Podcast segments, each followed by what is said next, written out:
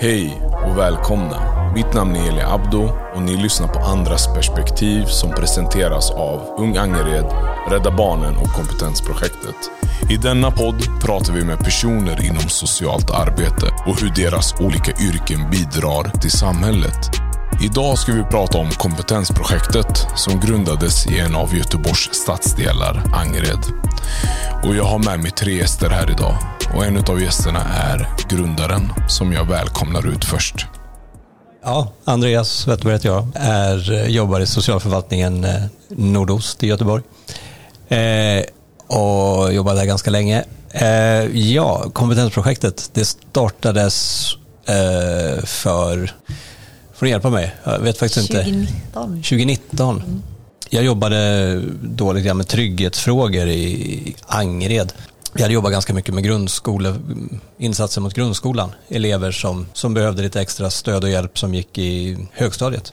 Eh, och försökte hjälpa till och få dem att klara betygen i, i nian för att komma in på gymnasiet. Eh, och tyckte det gick ganska bra. Men sen började vi ganska snabbt se att vi behöv, många behöver stöd även i gymnasiet.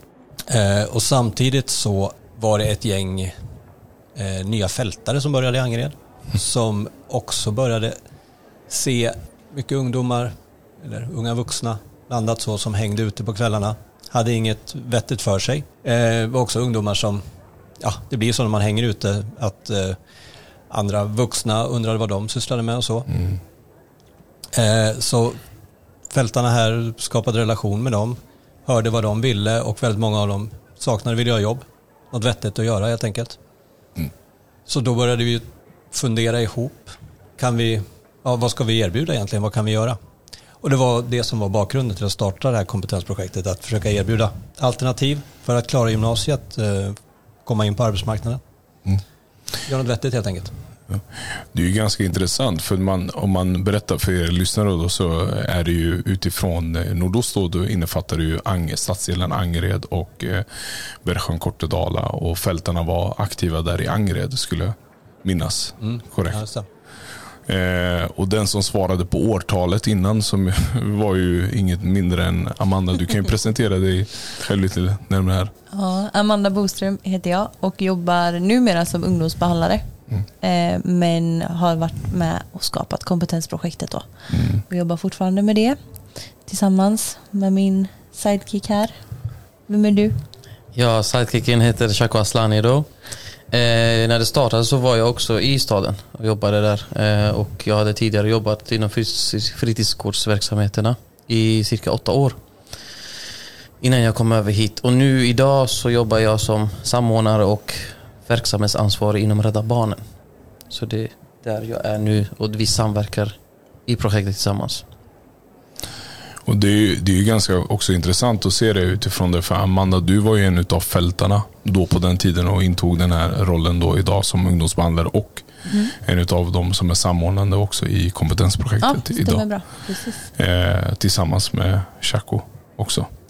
Eh, vad, vad var det ni kunde se som var, alltså utifrån era roller idag och då, vad, vad skulle ni säga har varit jämförande? Alltså vad är det som har lett till att man har kunnat se de här behoven för att dra in dem i sysselsättning och så? Alltså det, det, finns ju en, eh, en stor risk med att vara en ungdom som inte känner att den har något vettigt att göra. Så som Andreas var inne på lite, att mm. vi träffade väldigt mycket ungdomar som väldigt gärna ville bli, vad ska man kalla det, deltagande i samhället på ett eller annat sätt. Och om deras egna väg eller tanke kring det är att skaffa ett jobb, då är det vårt uppdrag att vara lyhörd inför det eh, och se till att det händer. Eh, och det var lite så där 2019 att, att det var lite, ja, det lyftes eh, kring en, en viss specifik grupp som hängde just i Angereds centrum som ingen riktigt fick tag på. Och, och, vi lyfte dem, du och jag tillsammans mm. Eli bland annat. Mm, ja. Vi träffade dem varje dag. Eh, fritidsgården var också, de var lite för gamla, de var, passade inte riktigt in där för man hade inte lärt sig den strukturen heller. Just den här gruppen ungdomar var ganska nyanlända. Mm. Eh, och då när vi började ställa lite krav uppåt på att vi måste göra någonting för dem så fick vi krav tillbaka. Bland annat från Andreas som då jobbar på mm. trygghetssamordningen. I att ja, men då får ni lära känna dem, vad vill de ha? Eh, och när vi gjorde det, det var ett ganska hårt arbete för att faktiskt också lära känna dem och komma in i deras vardag eh, och bli accepterade där. Så var ju det just jobb. Och så då kunde vi ställa kravet upp och tillbaka att okej, vi har lärt känna dem, vi, vi pratar med dem, vi- det finns en dialog, de vill ha ett jobb. Eh, och utifrån vår position då som fältare så hade vi inga jobb att erbjuda. Eh, Så då hade vi liksom gjort ett förarbete och sen kunde vi inte heller svara upp eh, på behovet. Eh, Och de hade lämnat ut ganska mycket kring sig själva och vad de tyckte och tänkte om samhället. Eh, Så vi kände väl också lite, lite ah, krav därifrån med att svara upp på det. Att nu har vi fått dem att lita på oss, så kanske vi också behöver prestera någonting tillbaka och visa att vi vill. Definitivt, för det var ju verkligen så när man mötte de här individerna liksom, och kunna se behovet närmare. Att det, vi behövde verktyg och andra alternativ att- komma med för att kunna erbjuda. Och, och det var ju så mycket vi kunde samverka med dig Andreas på den tiden på, när du var där på trygghetssamordningen. Liksom att man såg den möjligheten tänker jag. Men eh, Ja, och då eh, var det så att vi hade möjlighet, eh, eller vi tog en möjlighet att söka projektpengar för att starta det här projektet av regionen. Och det beviljades och vi fick, inte jättemycket pengar, men lite pengar, tillräckligt för att vi skulle kunna anställa någon för att driva det här framåt tillsammans med, med oss andra. Och då letade vi efter någon, någon vettig person som vi kände till. Eh, och eh, där hade vi ju en tanke om en person som, som, jag också, som också skulle då pitcha, en som jobbade någon annanstans. Så han skulle komma till mig för att pitcha nå, någonting som vi skulle samarbeta kring. Vi började den stora uppvaktningen, fas ett. Så vi jag passade på att pitcha idén om det här projektet istället för Chaco då. Precis, jag blev faktiskt lurad. Jag var där för att presentera en annan verksamhet som vi ska försöka starta i Angered. Men mitt i mötet så blev jag avbruten av Andreas som hade en jättebra idé. Ett förslag på någonting som skulle locka mig och han visste hur mycket jag brann för ungdomar. Hur mycket jag gillar att jobba med dem. Och då var det verkligen rätt, rätt tillfälle. Då nämnde han det här projektet som han hade sökt medel för. Om det skulle vara intressant för mig och då tyckte jag verkligen att shit, det är ju jättebra. Det är ju någonting vi kan skapa från scratch. Utifrån behoven från ungdomarna. Men också vara med och forma det. Så det var jätteintressant verkligen. Mm. Eh, och det blev ju, ja, du blev ju, jag kommer inte ens ihåg vad, vad titlarna var, men du blev ju ansvarig i varje fall för, för projektet och, och så fick du en, en sidekick då från, Ja, från det är jag som är sidekicken, jag var jag. ja, Nej, men det växte ju. Det började i, i liten skala och sen så har ju du tagit över mer och mer tänkte jag säga. Nej, men så att nu är ni Ja. väl ganska jämbördiga. 10 procent på papper var det från början. och sen, vi har också bytt chef eh, 17 gånger sedan det här började. Och det är, så är det ju, alla chefer är ju inte lika med på att gå ifrån någon slags grunduppdrag. Och då var jag ändå anställd som fältare. Så att beroende på också vem som kom som chef så fick jag också olika utrymme att jobba med det. Men sen blev ju du vår chef Andreas och då löste det sig ganska bra. Ja, det blev svårt för mig att säga nej till det Ja, kanske. är något du skapat själv. till, eh, till ett projekt man har varit med och grundat själv. Liksom. Ja, jag behövde ju ändå återrapportera vad vi använde pengar till också så att det var var win-win. Eh, nej men så vi, vi började ju eh, från, från scratch som Chaco säger. Det var verkligen att uppfinna väldigt mycket själv. Vilket är, om man är lite kritisk, så är det ju, det här var 2019, den här frågan, alltså att eh, om förorten, att eh, många ungdomar som växer upp i, i Angered och liknande områden har ju inte kontaktvägarna. De har inte föräldrar som där båda eh, jobbar och där man har den vanan kanske inte heller kontaktvägar in för, för arbete. Man, man har det också svårare att klara skolan. Vilket gör att man har en uppförsbacke som vi behöver kompensera för. Men det, det, det finns och fanns framförallt väldigt lite när vi startade upp. Så det var verkligen att gå in bland annat på Angeredsgymnasiet eh, och försöka hitta alternativ till de, de ungdomarna som, som hade det kämpigt där. Eh, och som också hade en drivkraft till någonting annat. Så det, jag vet inte, om du ska säga något om det Chaco? Mm. Nej, precis. För det var ju det, vi behövde verkligen kartlägga hur det låg till. Fältan har gjort ett förarbete. Det var väldigt tydligt att behovet fanns ju. Men nu var det att vi skulle forma. Hur ska vi göra? Då var det väldigt tydligt att från början så behövde vi också hitta olika grenar. Att det är dels sysselsättning, att få in dem i jobb och praktik. Men sen såg vi också att vissa behöver komma tillbaka till skolan eller hitta andra vägar in i studier. För vissa hade hamnat utanför och hamnat mellan stolarna av olika anledningar. Och så märkte vi att shit, vi har också ungdomar som har inget positivt sammanhang, gemenskap på fritiden. Då behöver vi också hitta ett sätt att få in dem i föreningslivet och få in dem i mötesplatser så att det blev också att de fick mer en meningsfull fritid. Så det är ganska tydligt i början att det är de tre grenarna vi jobbar med. Eh, också att när vi träffar ungdomar så var det väldigt tydligt att det ska vara frivilligt, att det ska vara på deras bekostnad. Alltså deras vilja, deras behov ska komma i centrum. Inte att någon tycker att ja, den här ungdomen behöver lite stöd eller behöver vägledas eller så. Det ska komma från ungdomens eh, håll. Eh, och ingången till Agnes var ju ganska bra ingång för där hade vi faktiskt elever som vi kunde fånga upp direkt och stötta, hjälpa och föra vidare. Och eh, samarbetet med fältarna var ju ganska naturligt för att ni träffade ungdomar ute. Mm. Ganska enkelt och skapa relation till dem. Och så kunde vi direkt erbjuda, ah, vill ni ha det här? Hjälper vill ni försöka få praktik, jobb eller någonting annat? Eh, och första delen blev också skapa nätverk. För att om ungdomarna inte har nätverk, så som Andreas säger, så behövde vi skapa ett nätverk runt om. Kring företag, kring arbetsplatser, eh, kring skolor, myndigheter så att vi också kunde slussa vidare dem in i allt. Mm. Ja, men det är ju ganska intressant just det där med att just att projektet skapats. Man kunde se tydliga behov av eh, att många skrek efter just den typen av hjälp. Eh, men jag tänkte också på de just det här där du kommer in på Chaco, just det här med nätverk och företag. För det är ju intressant att höra lite närmare liksom vilka utmaningar och framgångar man hade med att skapa de nätverken och pitcha in den här mm. idén och få med företag. Alltså det verkar inte vara så lätt. Nej. Och få med Jag tänker det är väl en del till, till, att vi sitter på de platserna som vi gör just idag. Att Chaco sitter på Rädda Barnen och jag sitter som ungdomsbehandlare. Att två av de utmaningarna som vi märkte det var dels att Göteborgs stad har jättemycket kontaktnät och sådär. Men, men det fanns så mycket mer vi också ville göra med de stora företagen som också ville bidra. När man börjar prata så börjar ju folk få upp intresset.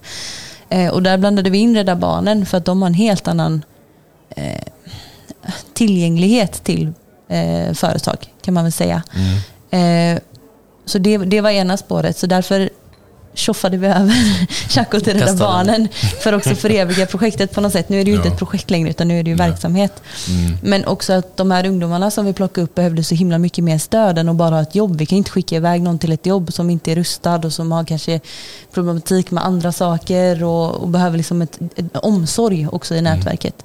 Eh, vilket nog tror jag har gjort att jag också har valt att vara ungdomsbehandlare för att det är ju samma Ehm, personer som vi träffar då kanske vi träffar nu och vissa behöver jättemycket omsorgsstöd och hjälp med andra myndigheter. Andra behöver företagskontakter. Så det, det är ju en liksom lösning på, på de behoven som vi såg redan då. Det blir också en väldigt bra mix att, eh, säga, blanda eh, ungdomar med olika behov. Och, och, vissa som bara då behöver en, en liten knuff eh, in och få rätt kontakter så löser de allting själva till vissa som behöver mer stöd och hjälp. Eh, och de insatserna som erbjuds är väldigt mycket att du i stort sett ska vara självgående eh, från början. Och menar, har du inte erfarenhet av, av att arbeta, du kanske inte heller är rustad från när du har vuxit upp exakt med hur, hur det går till och vad förväntas av, av en. Det är inte superkul, vet jag har lång erfarenhet av att jobba varje dag. Mm. Eh, så jag menar, det, det, behöver man, det behöver finnas ett eh, ett bemötande som du är inne på från mm. både arbetsplatsen men också att man kan behöva mer hjälp och stöd mm. för att rustas och mycket för självkänsla, det. Jättemycket självkänsla i att någon slags eh, mycket uppfyllande liksom, profetia om att läsa i media om mm. förorterna och tänka att vad, vad, blir min roll i det här när jag växer upp och ska ut på mm. arbetsmarknaden? Det känns som ett jätte, jättelångt steg. Mm. Eh, där vi jobbar jättemycket med att rusta de ungdomarna mm. så att det ska kännas som en möjlighet och visa att man har samma möjligheter som andra ungdomar i Göteborg att söka jobb och ta sig ut på arbetsmarknaden och delta i samhället i stort. Och sen blev det ju, det blev ju utifrån att vi inte hade färdiga arbetsplatser från början och vi höll på, vi, vet, vi var runt på olika företag och, och ni. Eh, och det var väldigt många som var intresserade men det var väldigt svårt när man väl skulle komma till skott och, och chansa då som arbetsgivare på, på att anställa ett oprövat kort istället för att ta någon med ett CV och, och som var, var säkrare. Så då blev det ju i början i alla fall väldigt mycket fokus på sommarjobb också. Mm. Det, var ju, det var ju någonting vi själva rådde över på ett annat sätt. Precis, och sommarjobben var att själva konceptet med kompetensprojektet att vi skapar relationer till ungdomar för att få förtroende och kunna jobba vidare med dem. För mycket av det vi märkte från början var att förtroendet till vuxenvärlden var väldigt trasig, så många av de här ungdomarna. För man har upplevt misslyckanden från olika håll och man har inte så mycket tilltro till att man kan lyckas och ha en framtidstro. Så var det mycket att vi jobbade mycket med det. Att träffa ungdomar, följa upp, finnas där, men visa att vi kan också leverera. Och lovjobben blev ett väldigt tydligt koncept att kunna jobba med ungdomarnas personliga utveckling. Att få dem i ett sammanhang som är positivt tillsammans med andra för att skapa kontakter, eh, nätverk men också få bygga upp sig själv i sitt inre. Att bli goda förebilder men också bygga upp självförtroende. Att känna att shit, jag klarar av att göra någonting. Jag klarar av att hålla i aktiviteter. Och sen nästa steg, göra aktiviteter för andra. Så att vi har gjort en sån eh, process eh, kring hur man utvecklas som individ utifrån vad man är. Och alla våra lovjobb när vi startade dem så var vi väldigt tydliga med också att det skulle vara låg tröskeljobb. Så att vilken ungdom som helst som kommer in behöver inte ha tidigare kunskap eller erfarenhet utan de ska kunna komma in och lära sig och kunna göra det sen. Så att de också går därifrån och känner att jag har gjort någonting, jag har lyckats med någonting. Och den känslan för många är ju självklar. Men hos många ungdomar så är den inte så självklar. För i många sammanhang så känner man inte det. Utan det är bara att du är misslyckad, du klarar inte av någonting. Eh, och lovjobben blev ett väldigt tydligt koncept i det att när vi startade första året, jag tror vi hade 25 feriearbetare mm. vi tog emot. Mm. Sista två åren tror jag vi har snittat 150 bara på sommaren. Mm. Nu pratar vi bara om sommaren. Nu har vi utökat att vi har lovjobb på alla våra eh, lov, alltså skolloven. skolloven. Mm. Mm, precis. Och, vi, och just det också i att första, första jobbet som vi skapade var ju att göra aktiviteter i området för barn. Eh, eller för området egentligen, men det var mest barn som kom märkte vi. Och där har vi också gått från att vara de enda som gör det i Angered till att nu vill alla göra det, för det är en väldigt lättillgänglig verksamhet. Det är väldigt enkelt att göra det och lyckats med det. Eh, men där hade vi också ja, några hundra besökare kanske första sommaren, om ens det, upp till 7000 nu förra sommaren. Mm, det... Eh, så, det, så det är kul att det, att det har blivit en grej och nu idag hade vi vårt möte inför sommaren 2023, vilket är femte sommaren blir det ju då. Precis. Jubileum. Åren har ju gått sedan projektet har skapats. Så hör man ju liksom också vilka processer man har varit tvungen att genomföra för att få projektet till att bli en verksamhet, till att lyckas och till det hårda arbetet som ni har utfört också för att eh, pitcha in också till företag eh, att kunna tro på idén. Och hur lyckades man få med företagen att gå med på att ta in ungdomar då som inte har den här arbetslivserfarenheten eller som har kanske särskilda behov av olika slag. Liksom. Eh, hur lyckades ni få med företagen på banan? Det tror jag kanske är intressant för lyssnarna att veta. Jag kan ta det där lite så kan ni fylla på. Ja. Eh, mycket har varit i och med att jag kommer att Rädda Barnen. Vi har ju samverkan och partnerskap kring mm. stora företag jag får inte nämna dem exakt Nej. i namn. Men eh, mycket har varit också att förändra deras syn på ungdomar från våra områden. Mm. För det är inte att vi inte kommer in, det behöver också vara ömsesidigt. Att vi behöver också skapa processer, rekryteringsprocesser som också är tillgängliga för alla. Det har varit utmanande för att de också inte förstått varför det är av vikt att anställa en ungdom från ett visst område. För de har inte trott att de här ungdomarna vill jobba eller är motiverade.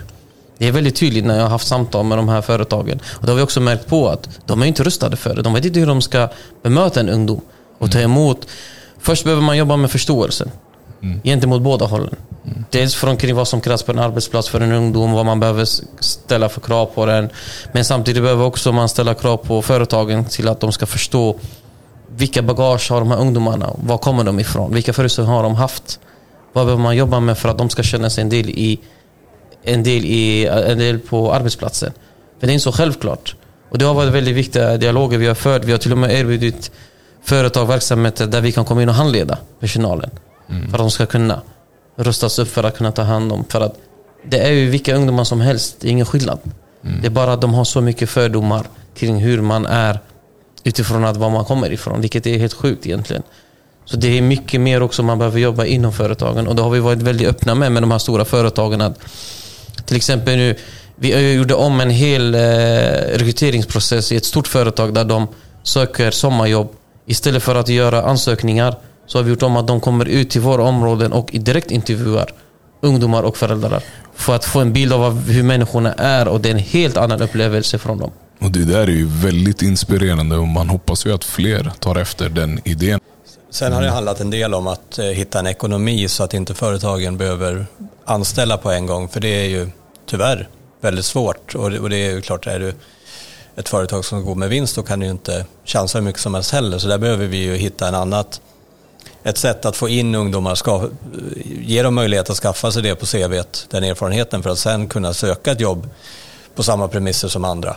Eh, så det har ju lagts mycket jobb på att säkra ekonomi på olika sätt. Precis. Och sen handlar det ju inte bara om goodwill att företag ska ta in någon liksom från förorten och göra det för att vara snäll eller liksom stärka. Utan det, det som företag också märker är att de missar ju jätte, jättemycket i sina rekryteringar.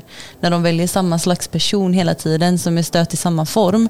Då missar du ju hela det perspektivet som man kanske har när man kommer från en annan bakgrund eller ett annat perspektiv. Så att många företag som hör av sig nu gör ju det för att de märker att okej, okay, här är vi en jättehomogen grupp.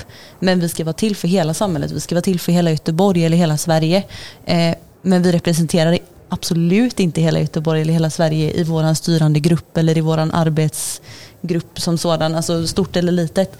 Så nu har ju folk av sig för att de vill komma ut och träffa och få idéer och få höra saker. Eh, och då kan vi ställa krav tillbaka på att också att ja absolut men det, det blir inte heller någon förortssafari här. Ni kan inte komma ut och titta och sen sno massa idéer utan då får ni också anställa eller Precis. gå med på att ta emot praktikanter eller liknande. Så att mm. också får ut någonting av det. Mm. Eh, för, för det här med rekrytering så som i detta fallet våra rekryteringsevent där det är ju det här att ja, det finns ju också en anledning till att man inte vill söka med namn och bild. Att man känner sig bortsorterad. Det är ju för att det finns en historik av att man blir bortsorterad. Det är ju inte ett hittepå. Det är ju inte en, en paranoia bara. Utan det är ju någonting som faktiskt är så. Att det är jättemycket rasism inom rekrytering och inom vissa företag. Vad man önskar ha. Mm. Eh. Ja, det, det, är ju många som väljer det, det, det bekanta. Eh, något, någon som, som ser ut eh, och liknar en, en själv. Och så är man ju väldigt, som ni är inne på, det Eftersom att det är så segregerat, det är ju väldigt få som är ute i, i förorten.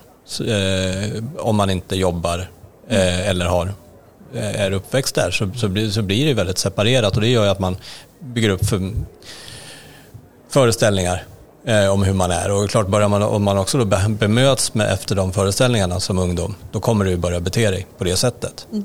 Eh, så det, det, det är ganska det är ju väldigt viktigt att eh, börja liksom riva ner det där. Mm. Eh, och att eh, få ut företag och träffa de som bor här på riktigt Precis. och inte bara stå och titta på utsidan. Ja.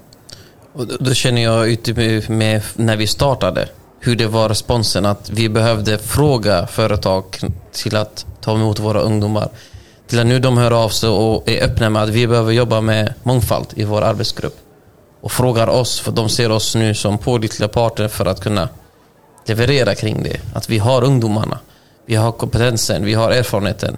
Så att vi också bygger de broarna. Och det har varit ganska skönt nu, för nu behöver vi inte jaga företag på samma sätt. Nu är det de utifrån att vi faktiskt har gjort saker som har varit bra och processerna har gett eh, resultat utifrån ungdomarnas perspektiv men också de företagen vi har jobbat med så har det verkligen blivit ringa på vattnet nu. Att nu är det ju fler som hör av sig och vill göra satsningar och, kring målgruppen.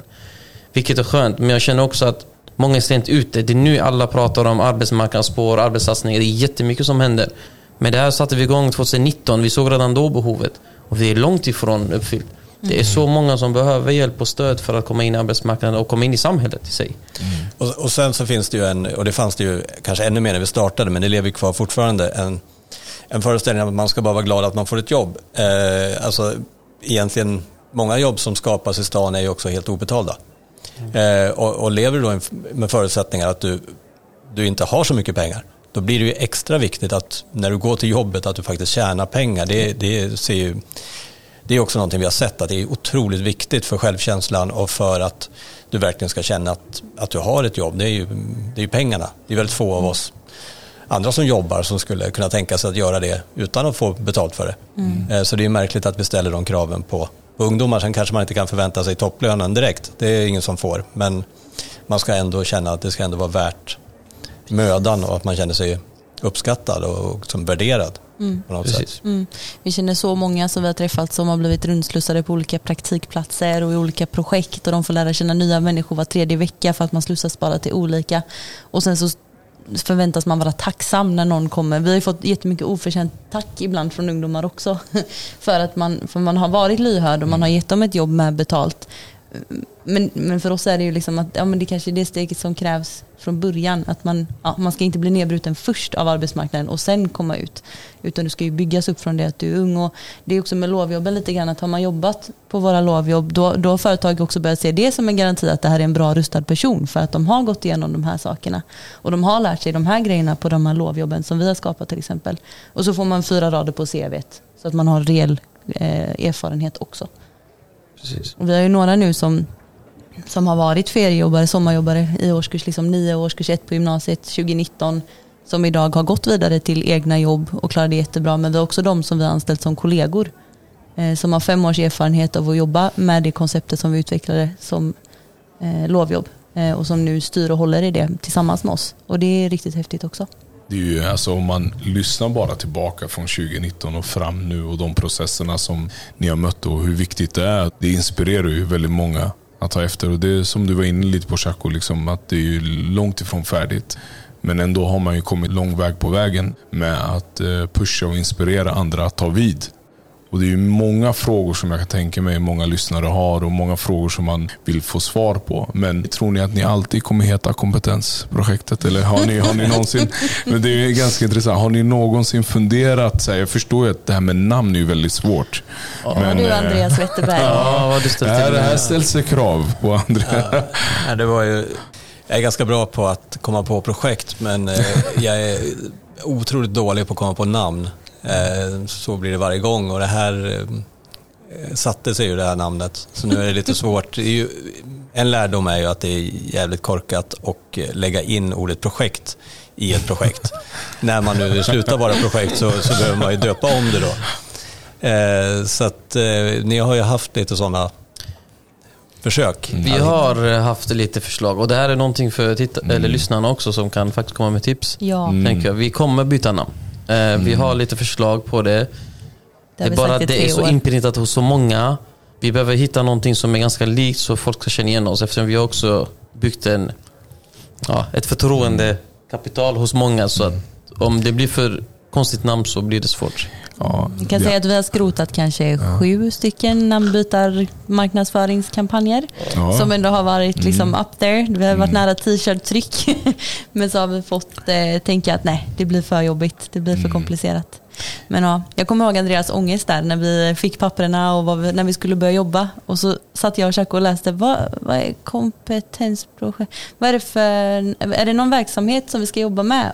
Och Andreas tittar upp och bara, jag hade tio minuter på mig, de ringde mig, de pressade mig, jag visste inte vad jag skulle säga, jag bara slängde till något, okej förlåt vi får byta sen, vi får byta sen. och sen, ja, here we are.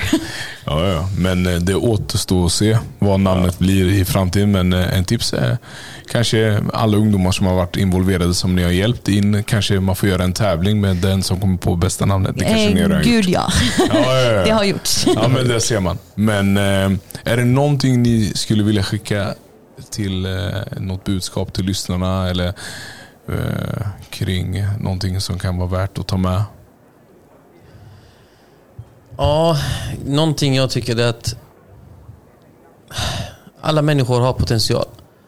Att vi behöver bara hitta det. Eh, många tror för att folk är i olika sammanhang och olika situationer. Ibland så är det svårt för någon att ta sig ur det. Att man alltid ser att det finns potential i varje människa. Och det är lite det vi har behövt pitcha för företagen. Att de har en bild av hur ungdomar är i visst område utifrån bakgrund och stämplingen kring media.